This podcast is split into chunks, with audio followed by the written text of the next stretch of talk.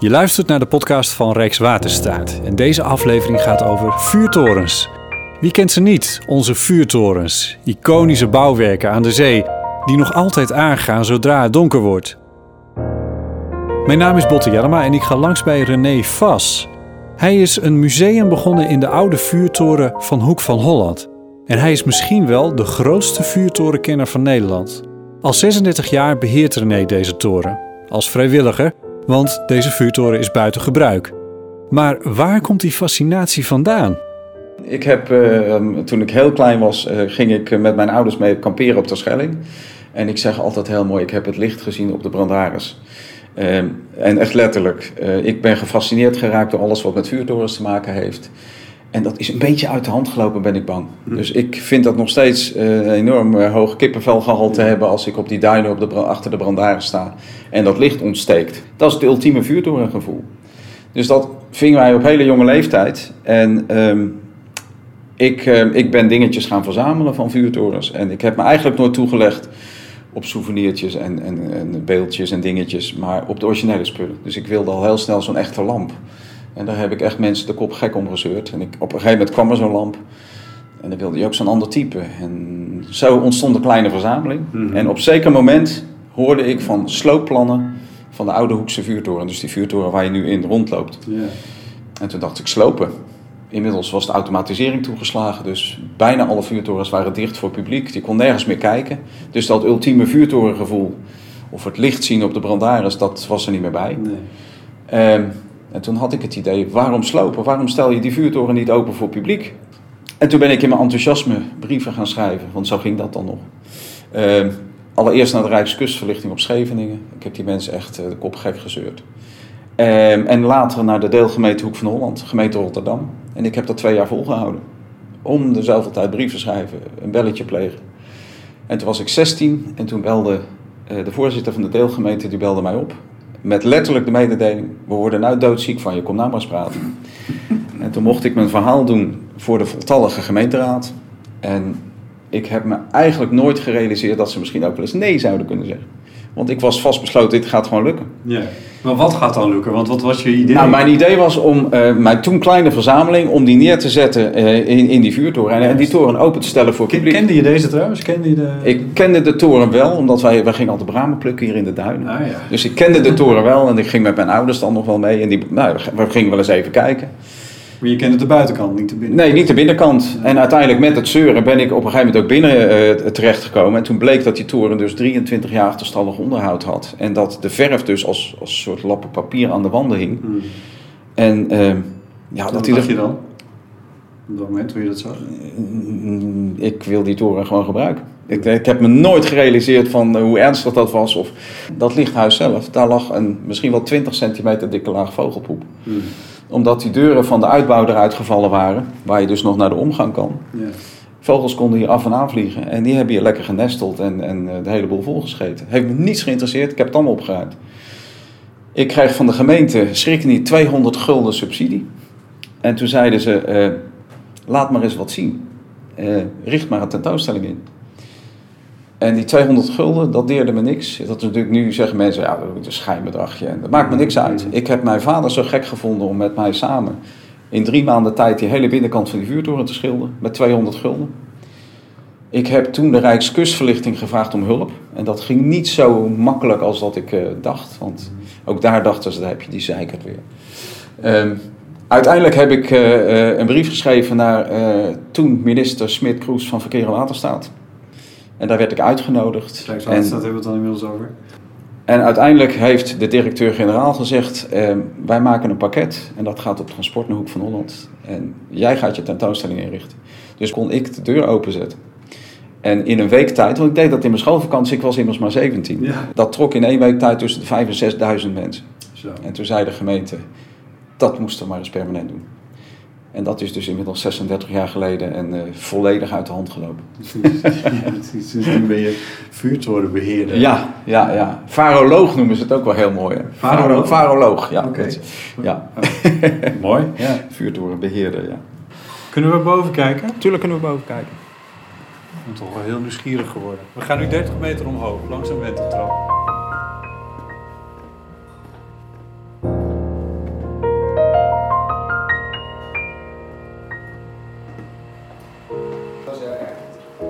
Je ziet uh, door de hele vuurtoren heen een enorme collectie van uh, historisch vuurtorenmateriaal.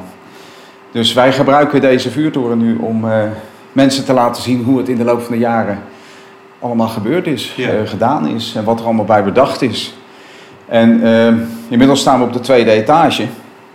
En dan zie je ook meteen dat hier mensen ook geslapen hebben. Ja, uh, Want, uh, bed, bedstedenachtig. Uh... Ja, er staan twee bedsteden in. En ja, ik vind dat altijd mooi als ik hier met een groep rondloop. We hebben tegenwoordig over arbo en over arbeidsomstandigheden. Die mensen sliepen in een ijzeren vuurtoren. Die in de wintermaanden ijskoud is. En in de zomermaanden ja, een oven is, zo warm. Je, je, de, stoken of koelen heeft niet zoveel zin. Nee, nee. Dat gietijzer dat, uh, dat neemt zo de buitentemperatuur aan. Ja. En dat, Als het dan vriest, dan heb je ook echt ijs. Heb je ijs aan de wanden. Ja, heb je het ijs aan de wanden. En uh, die mensen hebben hier dus de hele dag en nacht gewerkt. Dus ze wisselden elkaar af. Daarom is die bedstee. Boven zat één man op wacht. Die bleef vier, uur op wacht zitten. En na vier uur werd hij afgelost door zijn collega. en dan ging de man van wacht, die ging weer slapen. En zo losten ze elkaar af. En dan hadden ze het onderhoud van het licht. Dus ze noemden dat heel mooi het in stand houden, het aansteken en in stand houden van het kustlicht. En ochtends het blussen van het kustlicht. Uh, en dan het onderhoud wat erop volgde. Blussen suggereert even dat er open vuur was, maar... Ja, maar we, noemen het in Nederland niet voor niks vuurtoren. Die Ja. oude naam, die zit er nog steeds in. Ja. Heel officieel, dat kun je mooi op de Brandaris zien. Daar zitten gedenkstenen in. Op de Brandaris staat dat die eh, in 1835 is omgebouwd tot, tot kustlamplichttoren. En dat is het officiële woord. Maar ik zie dat niet ingeburgerd raken. Nee. Dus we houden het op vuurtoren. En dat is eh, eh, ja, zeg maar uit de, de oudheid nog afkomstig. Eh, Eeuwenlang eh, was de enige vorm van licht en waarschuwing voor de scheepvaart het open vuur. ja. Eh, en ik zeg eeuwenlang. Wij liepen in Nederland natuurlijk een beetje achter de feiten aan. Pas in 1851 hebben wij het open vuur vaarwel gezegd. En het laatste open vuur brandde op Schiermonnikoog. En eh, Engeland en Frankrijk met name, dat waren bij uitstek de, de vuurtorenlanden waar heel veel ontwikkelingen vandaan kwamen. En eh, ja, daar hebben wij in Nederland van, eh, wel gebruik van gemaakt. Hè. Uiteindelijk kregen wij ook de lenzen van, eh, van Fresnel en de, de, de moderne olielampen enzovoort. Maar gewoon zoveel jaar later. Ja. Dus we hadden in een rap tempo hadden wij eh, een achterstand in te halen. De toenmalige koning had bedacht dat dat binnen 50 jaar moest gebeuren. En dat is de reden dat wij in Nederland 14 gietijzeren vuurtorens erbij kregen. Waarvan dit er eentje is. Waarvan dit er eentje is. En eh, het bijzondere daaraan is, het merendeel staat er nog. De meeste functioneren ook nog. We hebben er daarnaast overigens nog 18 voor Nederlands-Indië gebouwd. Het bijzondere aan al die vuurtorens is dat ze allemaal verschillend zijn. Het gekke is dat eigenlijk vrijwel alle torens ontworpen zijn door één man, Quirinus Harder. Toevallig deze niet, omdat Quirinus Harder in die tijd al overleden was. Maar zijn opvolger en naast de medewerker, eh, meneer A.C. van Loo, heeft deze toren ontworpen. En ze zijn allemaal anders. Zelfs IJmuiden, die in hetzelfde jaar twee vuurtorens kreeg, kreeg eigenlijk twee verschillende torens. Die leken uiterlijk wel op elkaar, maar waren toch qua diameter en qua hoogte verschillend. Hmm. En dat is heel bijzonder. En als je dus, nou ja, je ziet het hier aan de binnenkant, eh, al die gietijzeren platen die allemaal verschillend zijn, want die toren loopt taps toe. En dat hele zaakje zit met 20.000 bouten en moeren aan elkaar geschroefd. Dat is best Ja, knap. Je ziet die bout inderdaad gewoon zitten. Ja, je zou bij wijze van spreken morgen weer uit elkaar Ja, kunnen schroeven. en dat is ook gebeurd. Hè? De, de, ik noemde net al beneden even de vuurtoren van Vlieland. Dat is oorspronkelijk het bovenstuk van de buitentoren van IJmuiden. Eh, de havenmond van IJmuiden werd eh, eh, rond 1909 aangepast. In, datzelfde, in diezelfde periode hadden ze op Vlieland een nieuwe vuurtoren nodig. Men vond dat het lage licht van IJmuiden nog lager moest worden. Dus hebben de drie bovenste verdiepingen, inclusief het lichthuis, er afgeschroefd, naar Vlieland getransporteerd en daar als vuurtoren in gebruik genomen. En zo zijn er meer voorbeelden. Eh, er zijn torens verplaatst. Ehm, dat was overigens ook het idee achter zo'n ijzeren toren. Dat, het is een Engels idee. Engeland liep natuurlijk voorop met de industriële revolutie. Eh, en daar komt dat gietijzer ook heel erg vandaan. Ehm, en in 1840 kreeg een ingenieur... ehm, die kreeg de opdracht om een verplaatsbare vuurtoren te maken voor Jamaica. En dat is gebeurd. En die vuurtoren staat er nog steeds. Dus de toren van Amédée. En die is zes keer verplaatst. En dat is het prototype. Ja, dat, die stond eigenlijk ehm, aan de basis van de gietijzeren vuurtorens. Ja, ja. Ehm, waarom gietijzer? Ja, dat vraag ik me ook af. Want als ze, staan bij zee. Ja, Het is altijd nat en, en het waait altijd. ja. Als er iets gaat roesten... nou daar heeft men natuurlijk wel over nagedacht. Het is niet zomaar gietijzer. Dit is gietijzer met een heel hoog koolstofgehalte. Ah, En dat ehm, vormt als het ware een bescherming voor het ijzer. Voordat dit overigens doorgeroest is, nou, je hoort het hoe solide dat klinkt. hoe dik zijn de wanden? Drie centimeter dik. Oh, ja, ja. En voordat dat doorgeroest is. Nou, wat je ziet gebeuren is als er verf afbladdert, want dat gebeurt hè, Ja. met, met eh, inderdaad zeer agressieve zeelucht. Eh, hier tegenwoordig zelfs chemicaliën en dergelijke, weet ik wat er allemaal in de lucht Hitte en koude. Ja, erop. absoluut, Ja, absoluut. Krimpt en het zet uit. Absoluut. En ehm, dat betekent dat er wel eens verf, verf kan afbladderen. Dan krijg je een kale plek. Je krijgt dan een soort van eh oppervlakteroest. Ja. Maar dat dringt er niet echt in. Eh, Beetje zoals met aluminium ook is. ja, ja. Zelfs dat roest, hè, dat is wel heel grappig. Ehm, als je nou tussen die platen kijkt, dan zie je daar een naad zitten. Ja.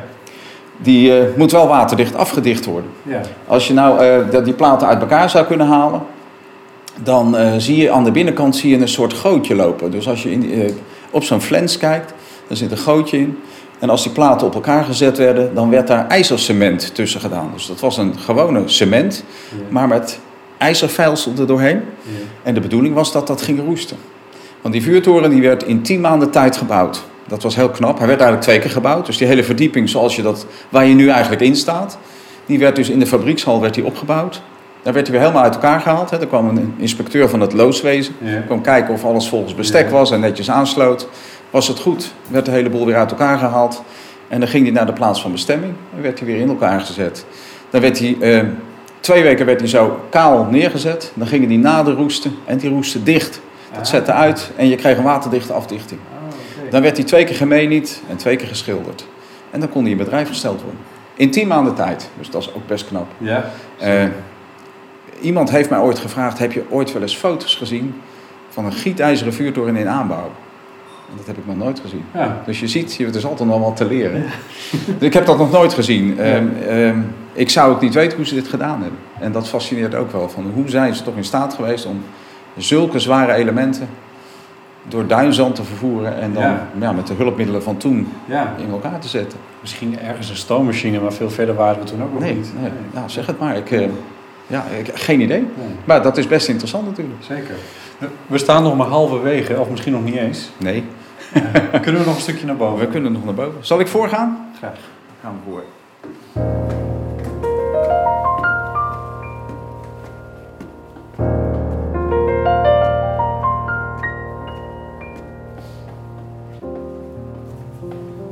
Hier sta je echt halverwege. Eh, als je beneden aan die toren staat, lijkt het maar een heel klein torentje. En hoe meer je naar boven gaat, dan wordt de wereld ineens heel klein.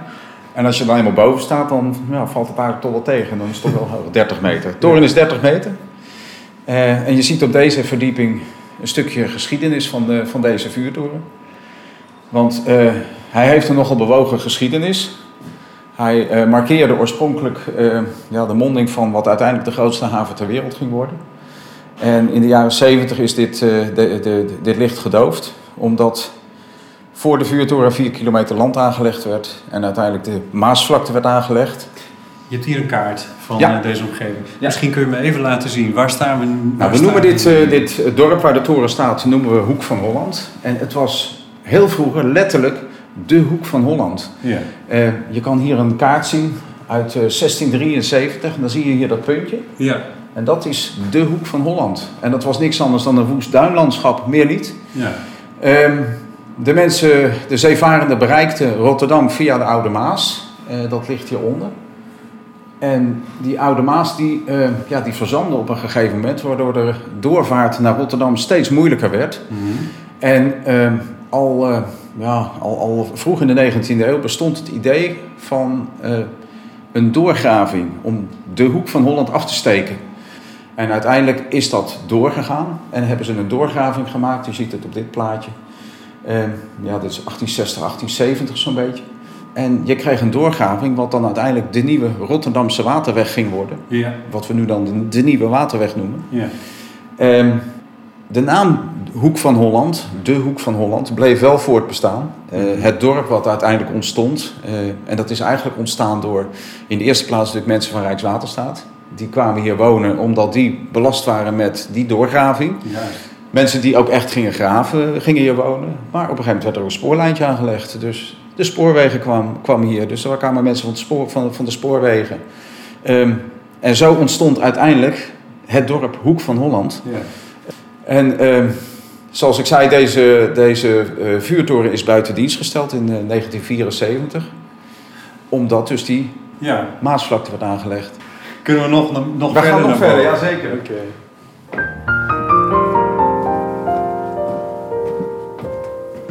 Wordt al wat krapper.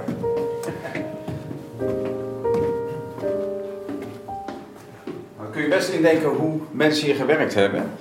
Elke etage had ook een functie. Dus we stonden net bij de bedsteden. De verdieping waar we net vandaan kwamen, dat was het magazijn. Hier eh, staat een, een werkbank, dus Ja. dit was de werkplaats. Ehm, er staan hier nog een aantal meubelstukken die echt uit die tijd komen. En eh, ik ben heel blij dat ze er nog staan. Ja. Ehm, heel veel vuurtorens zijn ze inmiddels gesloopt. Omwille bijvoorbeeld voor de mobiele telefonie, om plaats te maken voor eh, apparatuur. Ja. Eh, en dat vind ik heel jammer, omdat dit meubelstukken zijn die ter plaatse door een meubelmaker gemaakt zijn. Daar zijn geen tekeningen van. Er werd gewoon gezegd, ik heb een werkbank nodig. Kast, een bureau, regel dat. Ging En dat- met, met hout en met de zaag, Ja. met eh, schroeven naar boven Ja. of lijm? Ja, het is er ook niet uit te tillen. Nee. Het is hier ter plaatse gebouwd. En als je naar die kast waar we net vandaan kwamen in het magazijn, dan zal, zul je zien dat de, de, de, de kast eigenlijk de vorm van de toren heeft. Dus hij loopt eh, schuin naar boven toe en de achterwand is rond. Dus die past precies in die ronding van die toren. Past ook op geen enkele andere verdieping. Dat past precies bij die toren. Op deze verdieping dus de werkbank die er gelukkig nog staat. Ja. Op deze verdieping is het misschien wel leuk om even iets over eh, die vuurtorenwachter te vertellen. Want die vuurtorenwachter, dat was natuurlijk niet een eh, onbelangrijke persoon. Ehm, in de tijd dat deze vuurtoren gebouwd werd, was er eigenlijk nog steeds permanent toezicht nodig ehm, bij dat licht. Dus ehm, dat licht moest altijd paraat zijn. En dat was zo belangrijk omdat er mensenlevens aan hingen. Eh, en dat realiseer je eigenlijk als je straks boven bij dat optiek staat. Dat moest in topconditie zijn. Want mensen navigeerden daarop. Er was niks anders. Communicatie was eigenlijk heel moeizaam. Eh, dat ging met vlaggen of met, eh, met seinlampen. Eh, later kregen ze een slingertelefoon hier waarmee je het postkantoor kon opbellen. En dat was het eigenlijk wel een beetje. Ehm, die vuurtorenwachter had dus oorspronkelijk alleen de toezicht over het licht. Dus het in stand houden van dat licht en het, het onderhoud en dergelijke. En zijn tweede taak, wat hij er stilletjes aan bij kreeg, die werd steeds belangrijker. En dat was het uitkijk houden naar zee. En eventueel actie ondernemen als er wat gebeurt op zee. De Nederlandse kustwacht is eh, opgericht in 1885. En dat is eigenlijk als gevolg van een eh, scheepsramp. Op 5 juli 1882, dus drie jaar daarvoor, is er een eh, marineschip uit Amsterdam vertrokken. Dat was Zijne Majesteits rammonitor de Adder.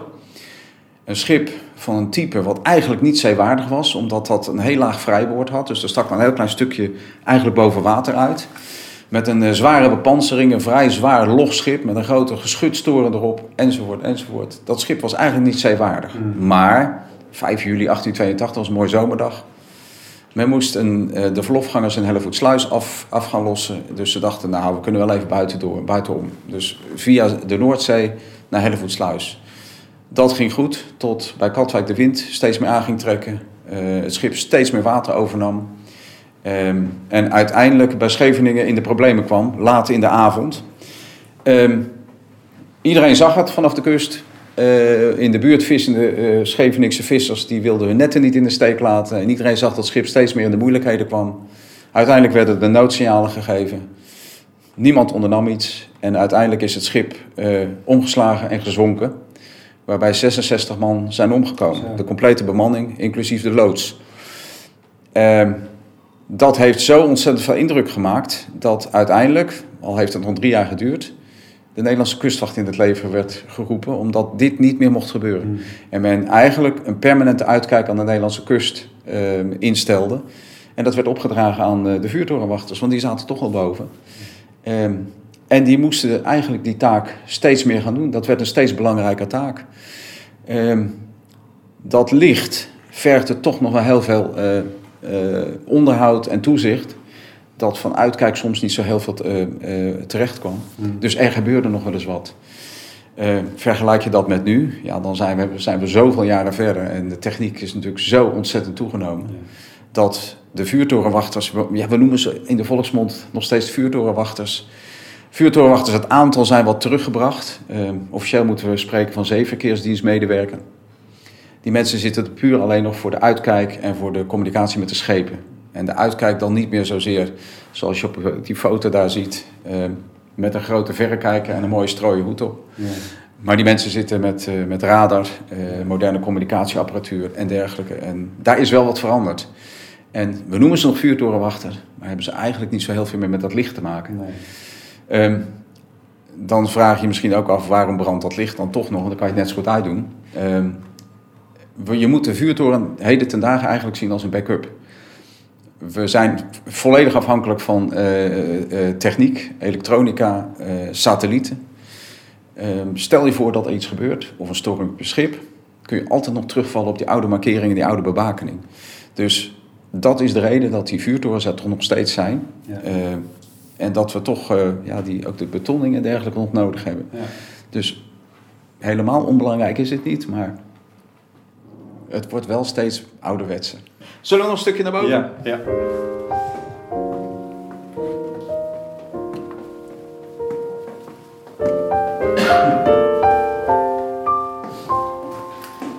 Nou, hier heb je een aardige indruk van eh, waar die vuurtorenwachter dan eh, vier uur per nacht zat.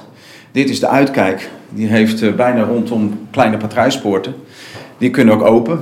eh, en die waren bedoeld om de verrekijker naar buiten te kunnen steken. Juist. Ze zijn met opzet klein, omdat het hier niet te veel mocht afkoelen. Ehm, van oudsher was dit bekleed met vurenhout en zaten er luiken over de trap heen. En eh, er stond een klein kacheltje, een houtkacheltje, om de Dit boel is echt een werkplaats. dit is, ja, ja, dit is, hier zat hij dus, hier hield hij uitkijk. Je zit hier vlak onder het licht. En hij ja, keek naar zee. Ik zei net al, eh, heel veel ontwikkelingen kwamen uit het buitenland voor ons. Het gietijzer uit Engeland en de lenzen uit Frankrijk. En olielampen kwamen uit Zwitserland enzovoort. Maar wij hebben ons steentje best bijgedragen. En een van de belangrijkste eh, bijdragen was wel de komst van de elektrische gloeilamp. Ah, Wij waren het allereerste land ter wereld wat gloeilampen ging gebruiken op vuurtorens. Ik heb hier een hele grote collectie, eh, eigenlijk vanaf het allereerste begin, een prototype uit 1917 tot aan het allerlaatste type. Ehm, en de- Gigantische glazen bollen. ja, enorm. Eh, de, de meest bekende is wel die met, van, met een boldiameter van 30 centimeter. En een verbruik van 70 volt, 60 ampère en 4200 watt. 4200 watt, 4200 watt, dat zijn eh, tegenwoordig eh, drie, vier stofzuigers. Ja, ja, ja dat is een zeer zware, misschien wel twee wasmachines denk ik. ja, ja. Ehm, wie anders zou ik haar zeggen in de eerste plaats de technische dienst van Rijkskustverlichting op Scheveningen. Die is eh, begonnen met uh, proefnemingen met gloeilampen. En wie anders dan Philips in Eindhoven, die ging natuurlijk eh, daaraan meewerken. Ehm, samen zijn ze gekomen tot een gloeilamp die naar vorm en vermogen geschikt was voor het gebruik in de optische toestellen van vuurtorens. En welke vuurtoren anders dan de Brandaris op Terschelling? Die kreeg als eerste ter wereld zelfs gloeilampen. Eh, vanaf 1920. En dat is de reden dat die lamp de bijnaam kreeg Brandarislamp. Nu zijn we weer zover dat ook die, eh, ja, die vermogens, eh, ja, dat die moeten terug. Eh, lichtsterktes, daar wordt al over gediscussieerd. Is dat nog nodig? Zo'n vuurtorenlicht is gemiddeld op 29 zeemijl te zien. Dat is om, en bij de 50 kilometer ver. Is dat nog nodig nu in deze tijd? Nou nee, nee, eigenlijk niet. Dus het kan minder en het kan ook met LED. We gaan verder omhoog en René brengt me naar de belangrijkste plek in de vuurtoren. Maar je kijkt hier, eigenlijk, we staan hier, dit heet officieel de kuip van het lichthuis. Dus we staan hier onder het, eh, onder het licht en je kijkt hier in de optiek eh, en in, met, de- ja, je ziet de olielamp. Ehm, dus dit is de installatie zoals die dus eh, in 1893 hier opgezet is. Ja, dit ziet er heel indrukwekkend uit. Ja, het is, het, het is moeilijk te beschrijven, maar het is een. Ik denk dat je je moet voorstellen zo'n zo'n zo'n gaslamp of sorry, zo'n olielamp, zoals je die misschien kent van de tegenwoordig tuincentra, laat ik maar zeggen. En dan keer 20 Ja, hij is wat groter. uit het grote, ja. En dit is het hart van de toren. Ja. Want hier gaat het allemaal om. ja. En Alles wat we tot nu toe in al die verdiepingen hebben gezien, draait uiteindelijk alleen maar Ja. om dit. Ja, en daar word je, althans dat heb ik, daar word je stil van. Omdat ik me realiseer dat die hele, dat hele gebouw waar we nu rondlopen, een 30 meter hoge toren is gebouwd om alleen maar een lampje te laten branden, meer niet. En daar komen bouwkundigen bij, daar komen technici bij, wetenschappers bij kijken. Allemaal om een lichtje te laten branden. Onderhoudsmensen. Ja, ja. En alleen maar om een lichtje te laten branden. Ja. Waar uiteindelijk mensenlevens aan hangen. En daar word je dan stil van. Want hoeveel mensen zullen er behouden eh, aangekomen zijn? Blij zijn geweest Juist, dat. ja. Ja, ja, ja. En dan kom je eigenlijk misschien wel een beetje op dat romantische gevoel wat je bij een vuurtoren hebt. Ehm, zo'n eenzame vuurtorenwachter die dan eh, met zo'n grijs baardje, ik word, ga er steeds meer op lijken, ook met een pijpje en die dan koper poetst en een beetje met een verrekijker naar zee kijkt en naar eh, ja, heel ver die schepen voorbij ziet gaan en noem maar op, anoniem eigenlijk hulp biedt. En daar word je een beetje nostalgisch van en een beetje een romantisch gevoel geeft dat. En eh, ja, zo kijk ik ook naar die vuurtoren. Ehm, en aan de andere kant is het natuurlijk zijn, je kan het heel mooi zeggen. Jo van Wallenburg, de oud-commissaris van het loodswezen op de Schelling, zei dat altijd heel mooi. Die zei, het is het versteend vertrouwen. Het is een punt van vertrek, maar ook een punt van thuiskomst. En dat geldt niet alleen voor zeevarenden, maar ook voor de mensen die hier rondom zo'n vuurtoren wonen. Hm. Je realiseert je soms niet hoe die vuurtoren dan bekeken wordt. Ehm, toen, het, toen ik hier weer op de toren kwam, ehm, heb ik de vlaggenmast erop laten zetten. Die was er afgehaald, omdat de, de, de mast waar die aan vast zat, was nogal bouwvallig geworden. Er kwam een mooie mast op te staan en ik heb voor het eerst een Nederlandse vlag uitgehangen. Toen hing er op een zeker moment een briefje aan het hek geprikt met een punaise van een mevrouw die daar zo ontroerd van was, omdat dat het allereerste beeld was wat ze had nadat ze na de oorlog teruggekomen was in de Hoek van Holland. En dat realiseer je niet. Als, ik heb alleen maar een mast erop laten zetten en een vlag opgehangen en meer niet. En dat mensen daar ontroerd van raken. Ja, dat vind ik leuk dat die vuurtoren zo leeft natuurlijk. Dan bekijk je het op een hele andere manier. En daarom zeg ik ook van je moet er toch niet aan denken als zo'n bandaris uit is. Dat kan helemaal niet. Dat kan niet. Nee. Je hoorde een aflevering uit de podcastserie over het werk van Rijkswaterstaat. Bedankt voor het luisteren. Als je deze aflevering leuk of interessant vond, deel hem dan met vrienden, familie en collega's. Of schrijf een recensie in iTunes, zodat anderen deze serie ook kunnen ontdekken. Alvast bedankt.